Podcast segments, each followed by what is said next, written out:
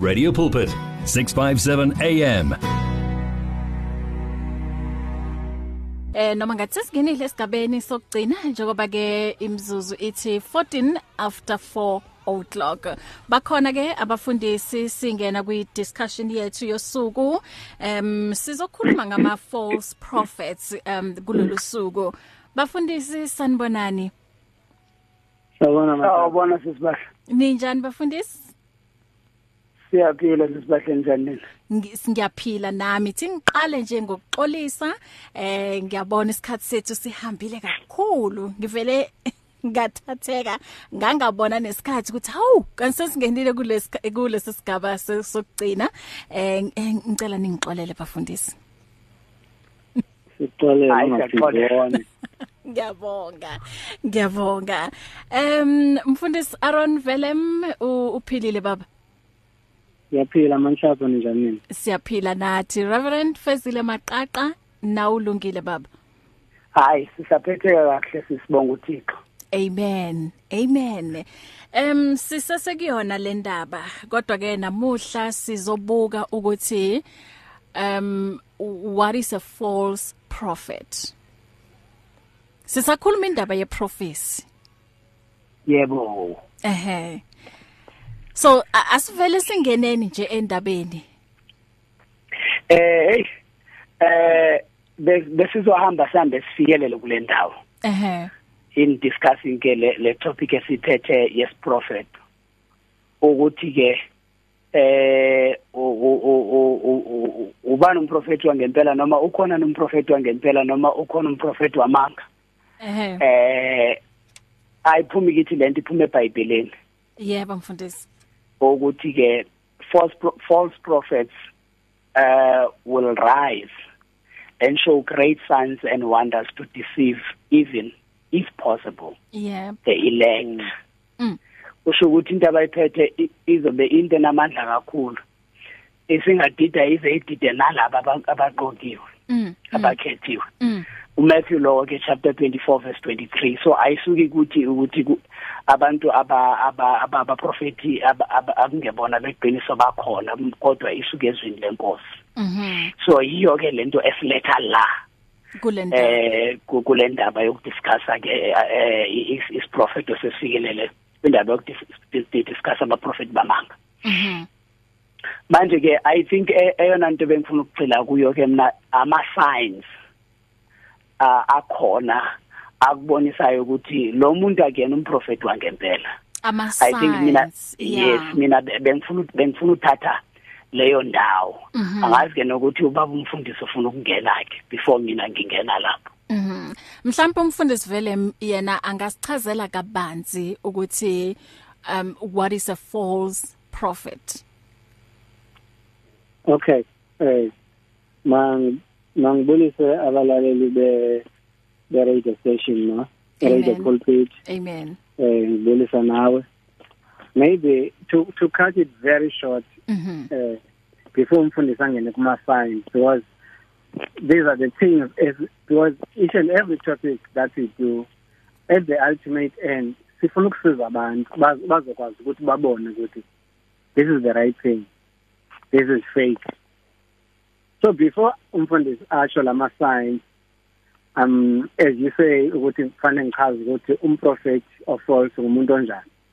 Biblically but a false a, a false prophet is a person who falsely claims the gift of prophecy or divine in- inspiration or to speak for God as njengathi ukhulumela uNkulunkulu or make such claims for evil ends.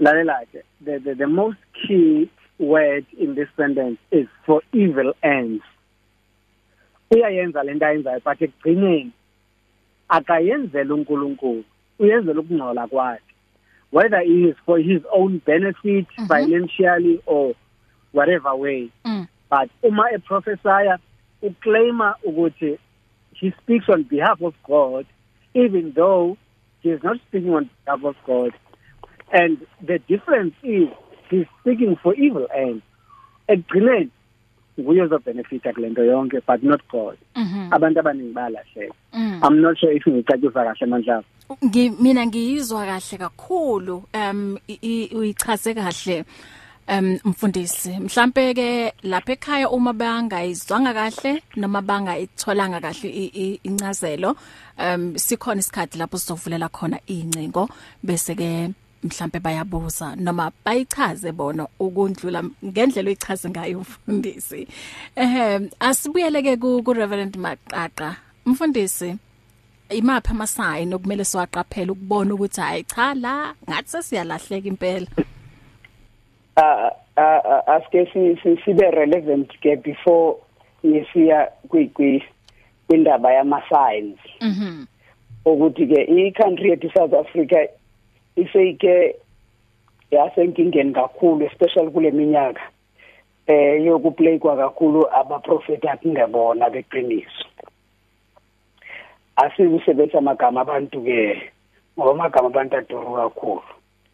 Eh mhm eh kodwa ke sibe nenkinga si South Africa yabaprofeti aba ekungebona beqiniso. Eh and ke kuyi responsibility yethu eh befundisi. Nababizwe uNkulunkulu ukuthi um si sikwazi ukupoint out and and and make our people babe aware ukwenzela ukuthi bangangene engozini. Hmm. ngoba ke sometimes abantu bakithi benzwa kukungazi.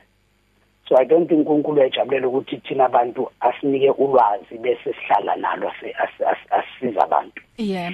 So yilento sikhuluma ngama science ke namhlanje ke as well. Mm. so ngenzela ukuthi abantu ke bakuzwisise kahle lokho. Mhm okay number 1 eh ekumele ukuthi siqaphele kakhulu ukuthi abantu abama false prophets bayathanda kakhulu ukuthi draw i-attention to themselves more than they draw they they they, they draw i-attention kuKristu bathanda i-attention ukuthi ize kubo kakhulu more than i-attention ibheke kuKristu eh bakwenza kakhulu ke lokhu ngalokhu kubizwa imimangaliso signs and wonders. They like to perform.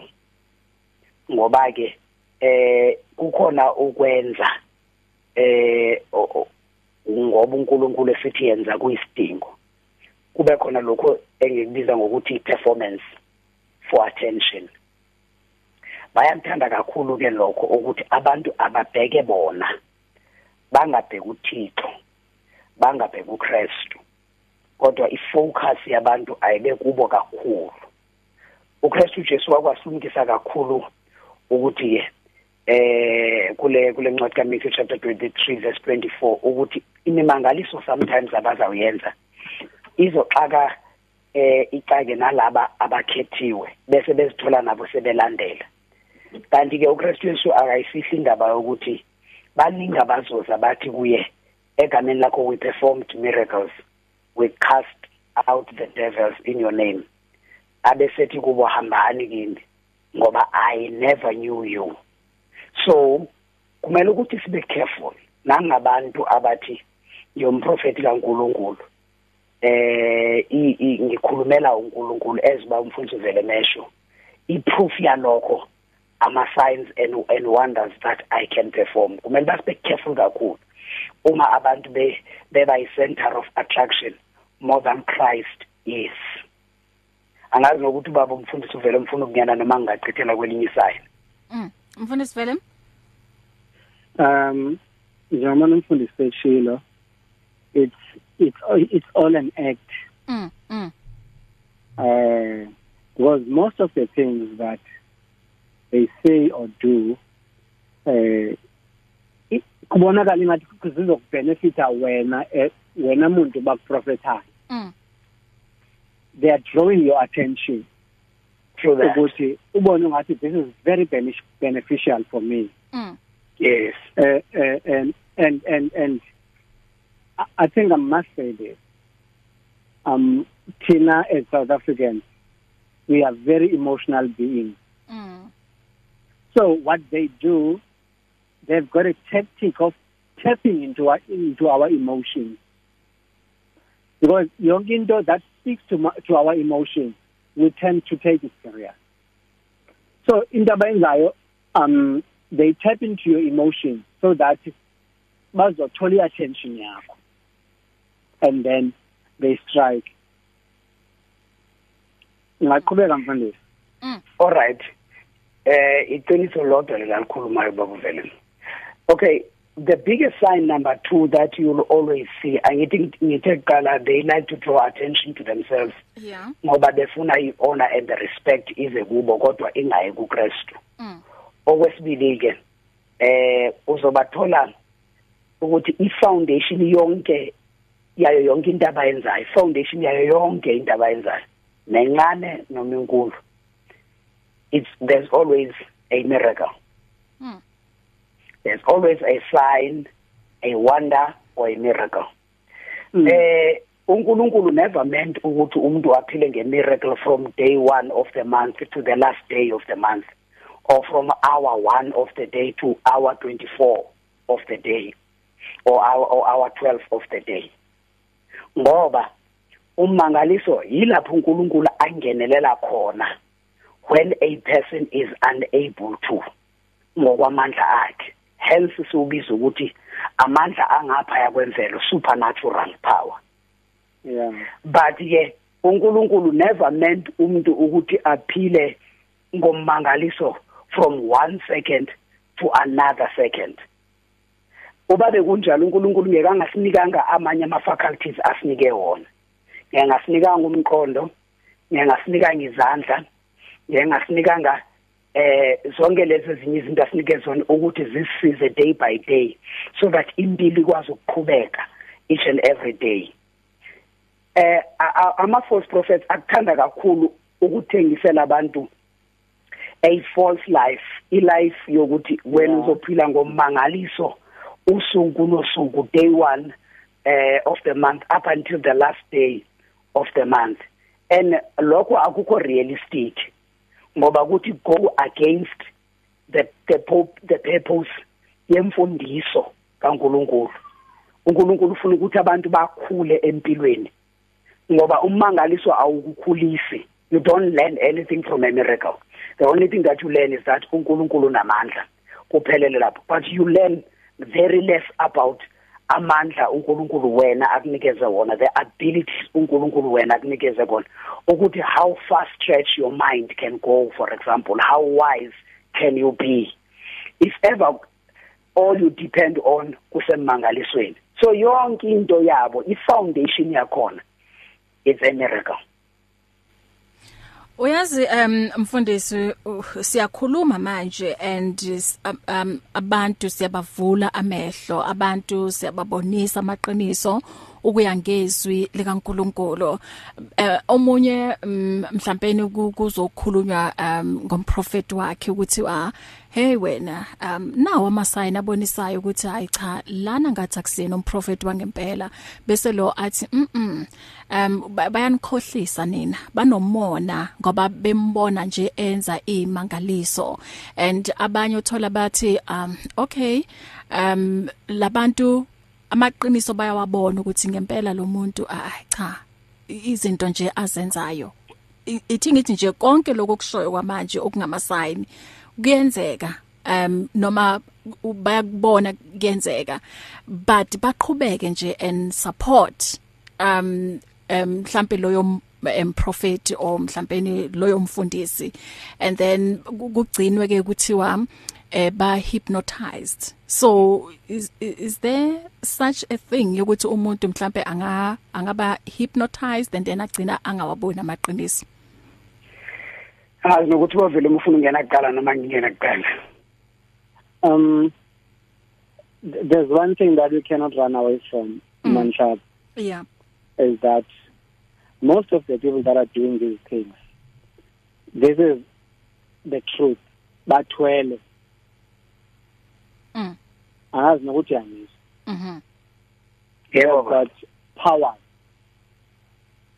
So sometimes these powers zizo ezenza ukuthi abantu bebe ngathi ba hypnotize. Mm. like like um kunezinto that you can see with your own naked eye.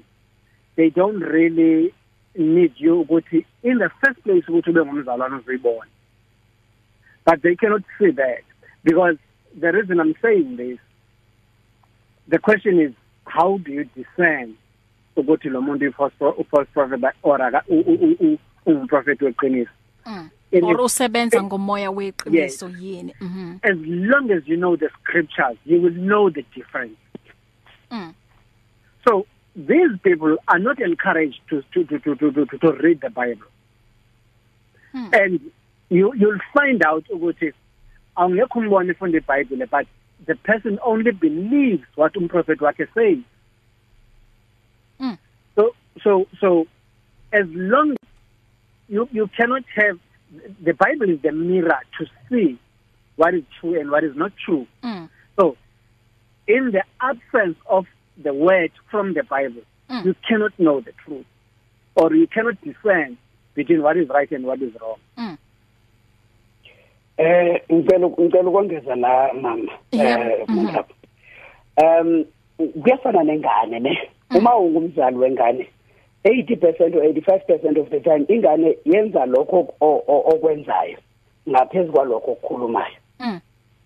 ungayitshela uthi ngicela uhambe straight mara uma wena uhamba ngendlela ejekile ingane ayizulandela lento oyishilo mm. izohamba ngendlela ejekile ngoba iyabuka more than ilalela amehla namandla ngendlela emangazayo so abaprofeti ezasho bamanga ezasho umfundisi abanye babo abanye buningi babo bakuthanda ukufundiswa especially ke laba athi basebenza ngamandla obumnyama so to speak.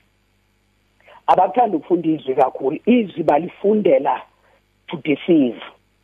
Abalifundeli for conviction. Alibasizi ngamanye amazwi. Ngoko uzothola ukuthi ke nabantu ababalandelayo noma ngasho yena kubo athi fundani izwi. Abalifundizwi but babuka lokho akwenzayo. Bafana naye so to speak. Mm. Abayi abayi abanalizwi empilweni yabo that much kodwa banalokhu umprofeti wakushilo. Wena ungalikhomba izwi uthi kodwa izwi lithi wena uzothi uma uthi izwi lithi athi umprofeti uthi. Yeah ngoba abanalizwi banalokhu prophet akushilo bayilento akayiyo yena prophet mm. Mm. Isikhathi ke sithi 16 um 32 ngikanye nomfundisi Aaron Velem kanye no Reverend Fezile Maqaqa sikhuluma la. Um sibuka ukuthi ama ama uma sikhuluma nge false prophets sisuka sikhuluma ngomuntu onjani and sibuka nama signs okumele uwaqaphele and um njoba imimoya le ikhona bazalwane esetshenziswayo so sidinga um i spirit of discernment um angithi um mfundisi Aaron Velem yes ma'am. Mhm so sisebenza kanjani um le spirit of discernment? Um as the bible says uh i think from from uh, uh the book of matthew mm. uh like okay let me just read from first john first john chapter 4 verse 1 mm. It, dear friends, do not believe every spirit, but test the spirits to see whether they are from God.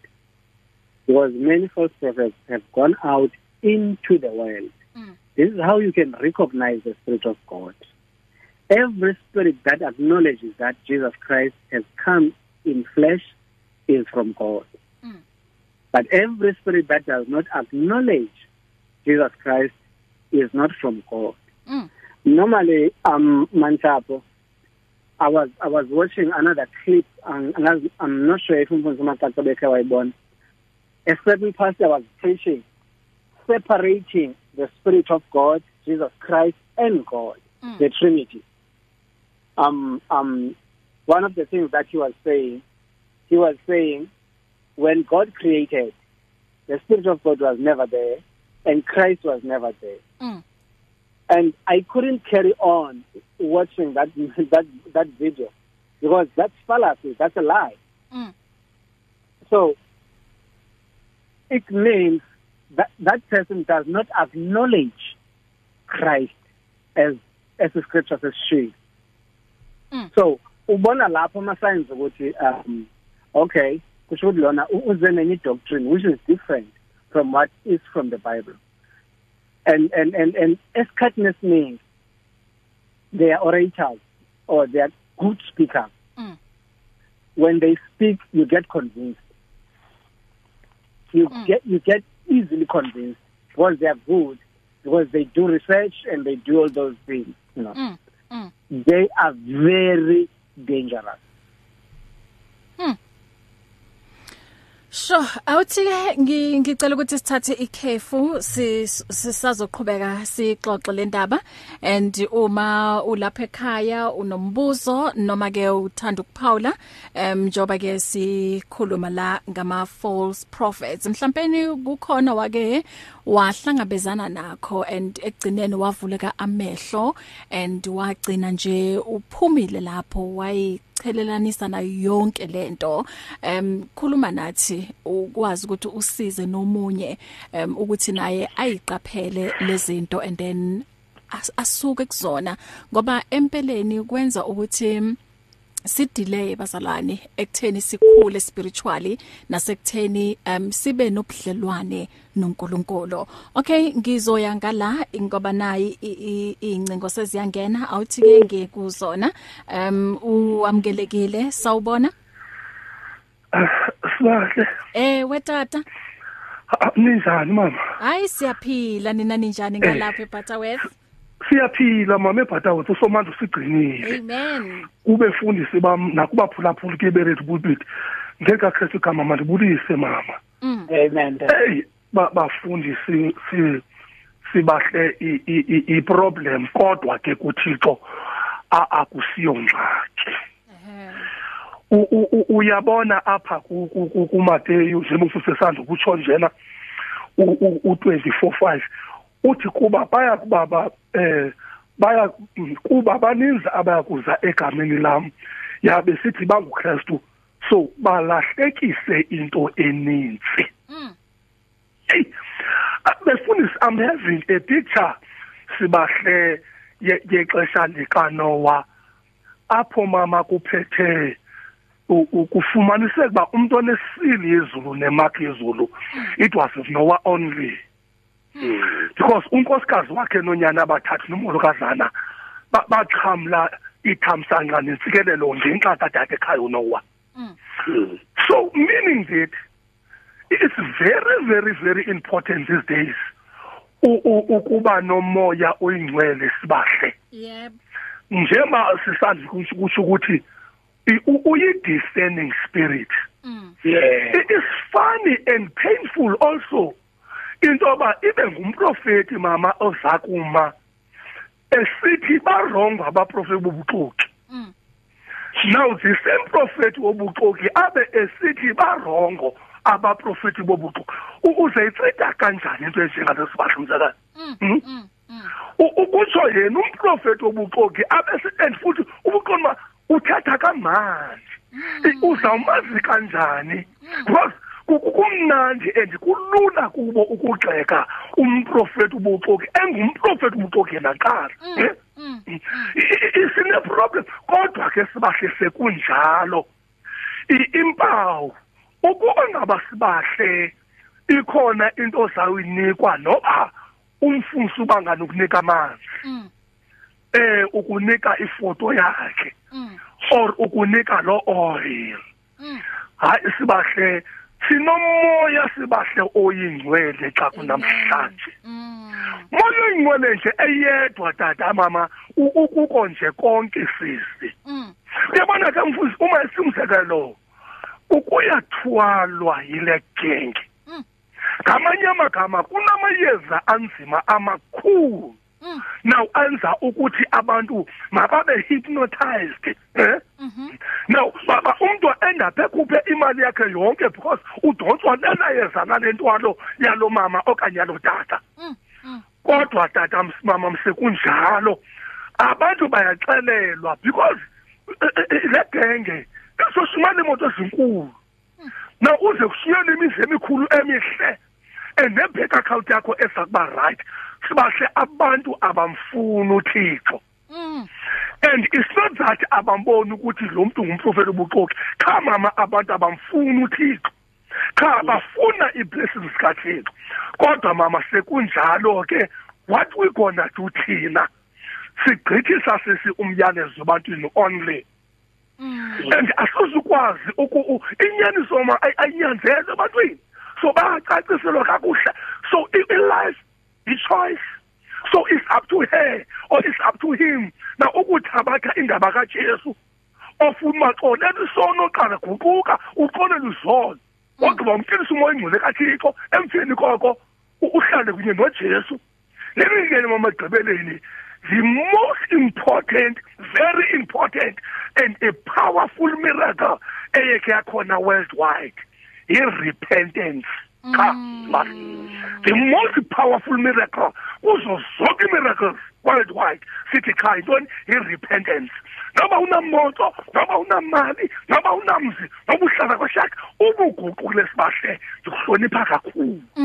Mama ndiyabulela kusikusikele Hey siyabulela tata. Ukhulumile and oneyindlebe akezwe. Amen. Wow.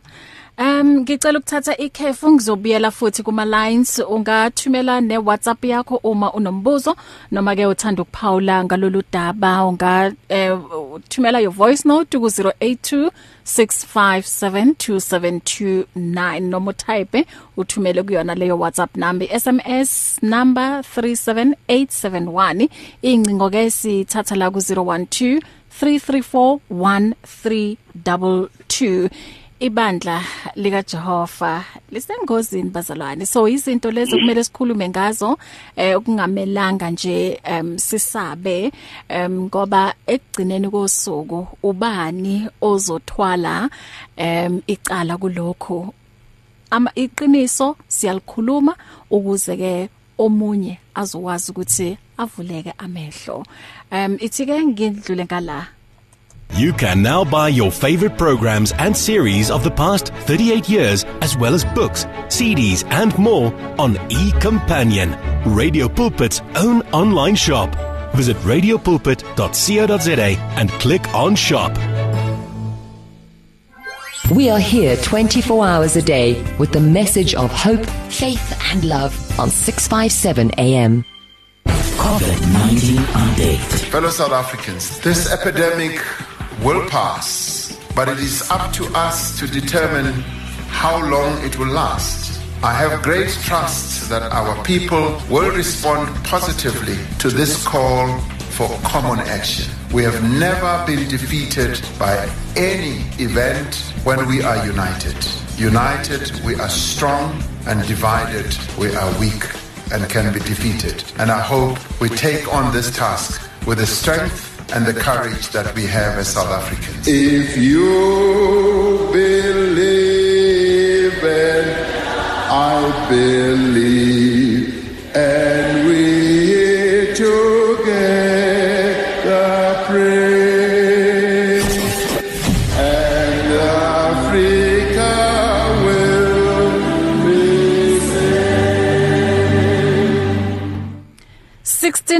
1643 zivuliwe incingo um asixoxeni nansi indaba la sibuka ukuthi um what is a um, a false prophet? And umfundisi maqaqa wasibekela ke ama sign ukuthi um babonakala ngezinto ezinjani and into enyayibalile ukuthi esikhatini esiningi it's all about them. Ukuthi nje kudunyiswe bona kunokuthi kudunyiswe um uNkulunkulu. And always bathanda ukuthi babonise izinto ezibonakalayo ukuthi buka ekutheni ngirich kangakanani ngihamba ngemoto engakanani ngihlala umuzi wami ongakanani eh, nawe woza uzothola ke noma ucebe njengami and singaqapheli ukuthi umoya noma imimoya esebenziswayo lapho akusiwona umoya kaNkuluNkulu.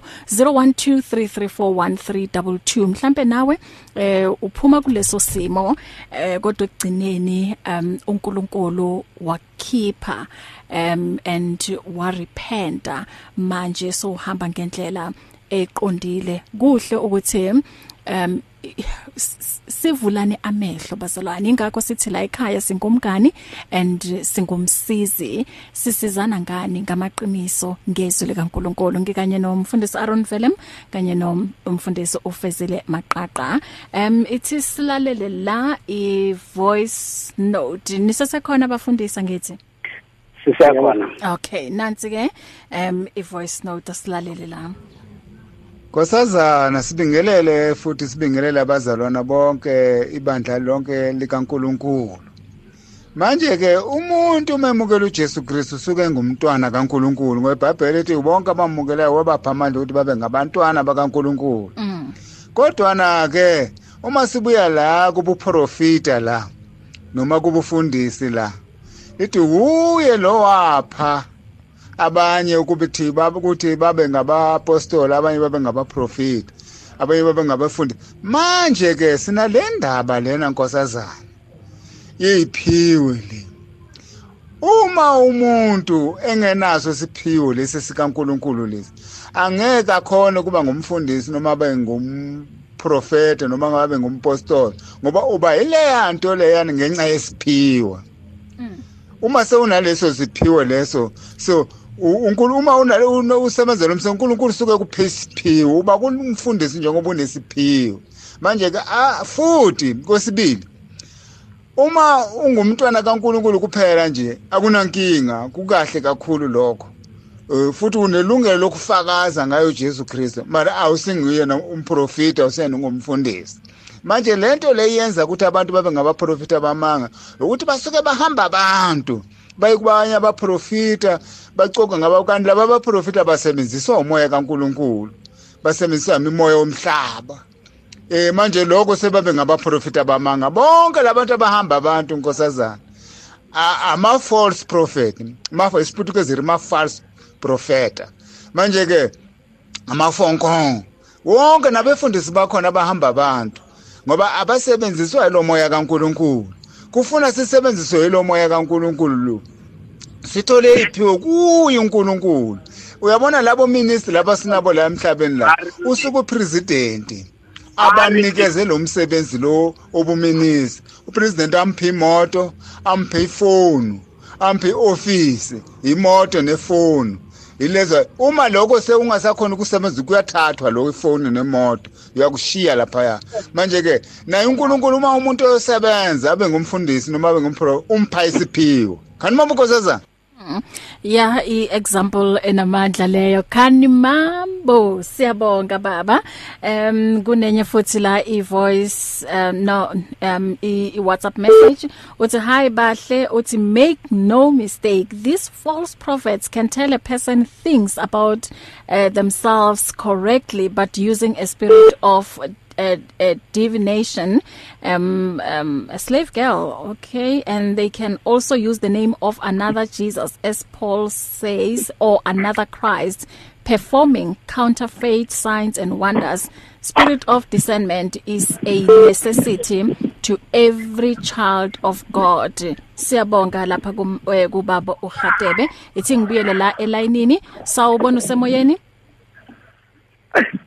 sibahle ndalibala indawana sithi ncinci eh wethatha yazi le meko ayibekiselelanga mama kubaprofeti qha bobuxoki qha. Yeah yes ndiyabulela into yoba unomfundisi lona nomvangeli afakwe mama. Mm. Ukuba sibahle kukho ezankonzo zoqala mm kubekho ezinkonzo ziphakathi. mm kubekho ezinkonzo zogqibela kuthiwa ngupentekostal mm sibahle ngumgube sakenye mama. mm laa nto ithi yho abaqhathwa abantu abaxokiswa izawuba njani nasibahle into yoba kuthiwe jonga kaloku wena bangani uba ngaba ubhatala imali amatikiti uzangena izulu baleka okanye uba ngaba u- une uniform yale nkonzo eh uba wanxitshwa nje uniform uza- uzawungcotshwa umthetho ubishop lumfazi omkhulu eh and uzawungena ubaleka ezulwini eh. Into ezenza nje sibahle kokuqala masithethe mama phandle into yoba uyayibona mama indaba yasentshona indaba yaseAfrika. Never in your life uafricanize into yakwaThixo and again never in your life westernize into yakwaThixo yonke mama into ngoku uphondo ba iwesternize and sizaba weak sibahle evangelini ukuba ngaba asimameli moyo ingcwele kaThixo. Kuba yonke into nezi prophecy everything yonke into eyakwaThixo kufuneka uze ube ubhadlile yiba nejisi xa eh? okanye yiba ne-matric eh? Okanye yiba ne-diploma yiba ne-degree. Ya usizoba ngumprofeti for na hayi sibahle sithi into yakwathixo ayihambi ngamfundo. Into kathixo ihamba ngomoya oyingcwele in you. Laa nto ke ndimsike ndithi umprofeti ngumoya oyingcwele in you. So uzawutsho kujeremiya fifty one twenty uthi wena u- uyi-battle ex yam eh? So uyisodi yam ndisebenzisa you are being used eh? so awunachance yothatha uzuko kathixo ulusise kuwe kodwa ukuthi nguthixo owenza owenza imiracles mama sakuthi umzekelo uma ngaba sinaba nawo umoya oyingcwele ukuqala kwinkonzo yokuqala kokugqibela mama kuqhathenwe ngabantu ngamanye amagama ma uyasota umoya oyingcwele and zi-intellectuals sibahle zi-intellectuals ezi eh? Uba umile epulpitini ungathanda mama eh? asumela kamnandi kamnandi. And nokwe kamnandi. Kodwa sibahle landelela apha emveni kwakhe ke mbona apha emalini ayeyithanda imali i-one on one uzokhupha five thousand rand sibahle into kathixo ayithengiswa. Ayithengiswa you can spend three hours yes you can spend three hours ubonisana notata ngendlela makasolve ngawo umtshato nenkosikazi yakhe. Emveni koko mabahambe bagoduke bangabhatali.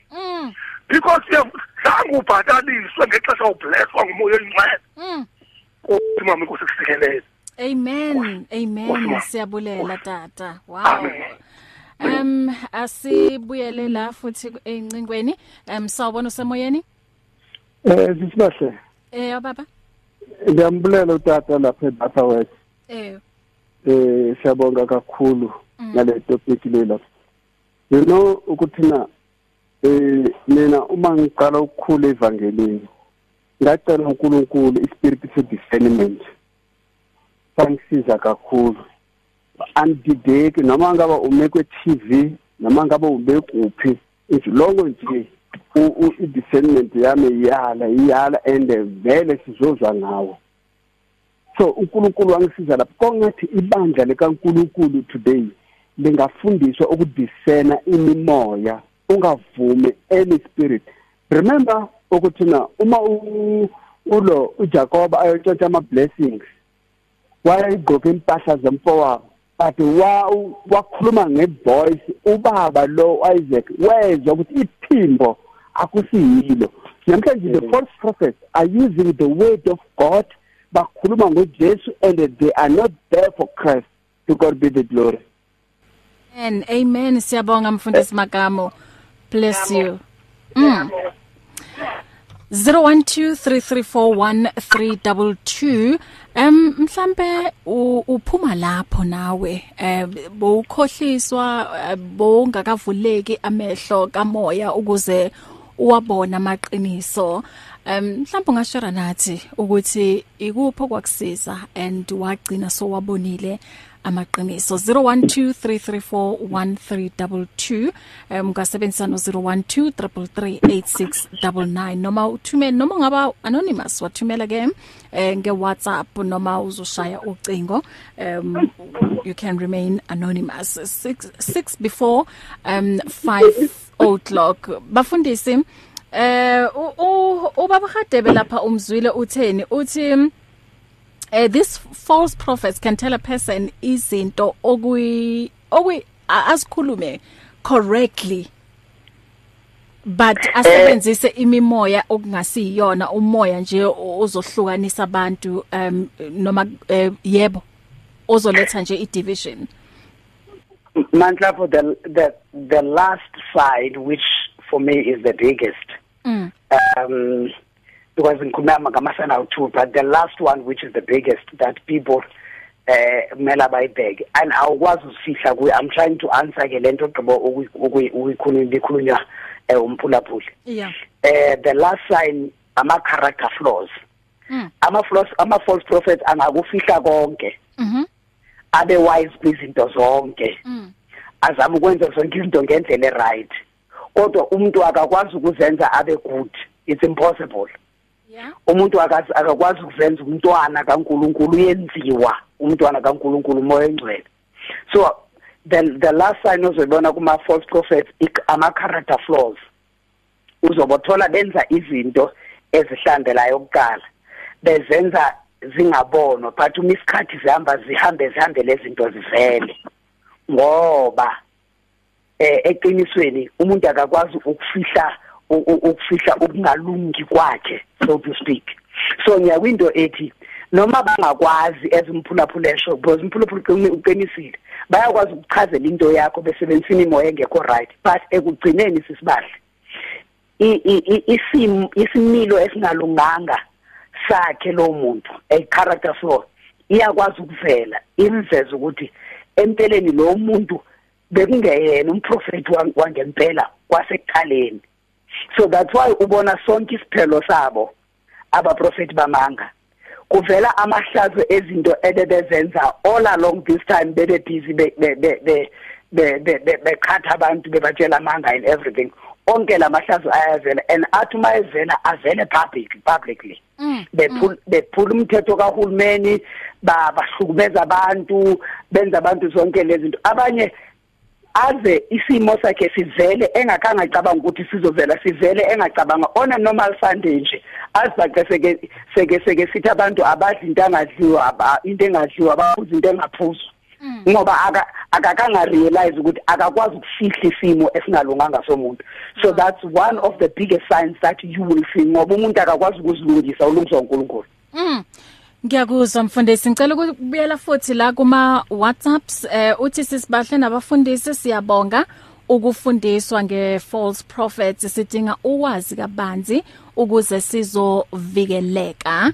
And um enye i message lana um singibone ngaphambi kokuthi siye ku voice note uthi greetings made servant of God. Aba prophet bamanga eh ba ba khona and bayabonakala inkinga ukuthi no one is calling them into order because I don't think they submit under someone else on the higher rank to discipline them as Paul was disciplining uPeter.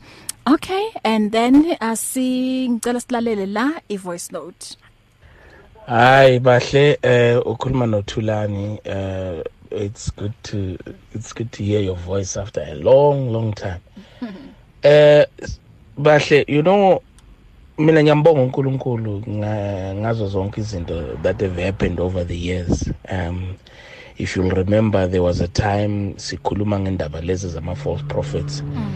and we were never popular in the sense yokuthi abantu ngaleso sikhathi ngoba kwakungama favorite bishop wabo ama favorite prophets wabo sasibaphazamisa but ngiyambonga uNkulunkulu ngoba bonke sebawa mm. eh uNkulunkulu has revealed himself ukuthi akumelanga sithembe endodeni noma emfazini othile mm.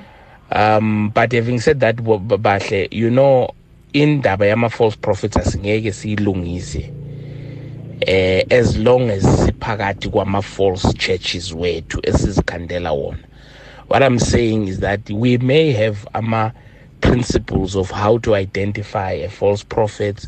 We may have a ama principles on what a false prophet is but as long as semasontweni esiwakhandayo thina amasonto esiwakhandela ngamadoda ethu nabafazi bethu we will never be able ukuphuma kule inkinga esikiyo. uNkulunkulu wathuma indodana yakhe uJesu Kristu emhlabeni. Hayi ukuthi uKristu azokhanda amasonto azoqala ama denominations eyiwona esinawo kuna everywhere nje kusisikhonza through a man made system. Eh we teach theology. Ngithanda ubaba ukhona ubaba uqeda ukukhuluma manje othi yena eh into zikaNkuluNkulu azidingi degree azidingi iPhD theology zidinga umoya kaNkuluNkulu. Uh you know uh, you know uNkulunkulu uthi yena ngesikhathi uPaul ema phambi kwe Sanhedrin or Stephen. Uthi bathi uSteve Stefan they they looked on him and they saw um, actually ama pro aba ama disciples were called before the Sanhedrin. And then iBhayibheli ithi they looked on these ignorant men and they perceived ukuthi they had been with Christ. So uNkulunkulu uh, does not want us to come to him qualified he wants us to come to him nenhliziyo emfunayo. Then he will sort everything. Asinikeze wisdom asinikeze eh umoya wakhe. Because into zakhe ngezakhe ngasoze into zabantu. So ngiyabonga. I think the next hurdle now emele siyidiscuss is why do we have ama denominations ama denominations aphuma kuphi? Why sinamasonto amaningi ahlukahlukene? Kodwa wonke ezibiza ethi eh izinto zikaNkuluNkulu ngibandla likaNkuluNkulu. Iphuma phi le spirit? Because i spirit le uyabona that is the spirit that supports ama false prophets that we have today. Thank you. Thank you. Hey, kudala eh Buthulani singakuzo la emoyeni siyabonga. Em bafundisi bami isikhathi siha sishayile eh soku salishayile lesihlanu ihora. Ngicela nje ukuthi sivalelise uPastor Ray Khodi nango sekakhona la. Eh ngithanda ukuvalelisa nami sisibahle eh kubaphula phula. be pulpit kama lami umfundisi ufezile maqaqa Facebook umfundisi ufezile maqaqa eh naku Twitter is the same thing. Uma ufuna ibandla engitholakala kulo i Family Transformation Center e Oliven Houtbush Thank you. Um Mfundisi Aaron? As I always say Mangvala we need to go back to basics. Mm. otherwise in the absence of basics trust me it will end in tears. Uh, so ku Aaron Velem use AFM Thabatswane ngiyafumaneka ku Facebook eh nabonke ama platforms ezo RMZLM ngiyabonga Amen. Siyabonga bafundisi. Asiphinde sihlanganeni futhi evikini elizayo. God bless you. Bye. Right uPastor Ray Khodi uyeza njengoba selishayileke elesihlanu ihora. Mina nawe asiphinde sihlangane ekseni sasa 4am until um half 5 God bless you. Asiphumela no Sparks kanye ne new uh, new light be feature ubongi no Colin bethi gracious Jesus. It's here. Radio Pulpit's new website is live. You can tune in at radiopulpit.co.za and enjoy crystal clear sound with just a click of a button or listen to our podcasts. Discover biblical truths in our daily devotionals and let our stories of hope inspire you. You can download our app on this new look, easy to use platform. Find your favorite program, get to know our presenters, and so much more at radiopulpit.co.za. Radio Pulpit, your daily companion.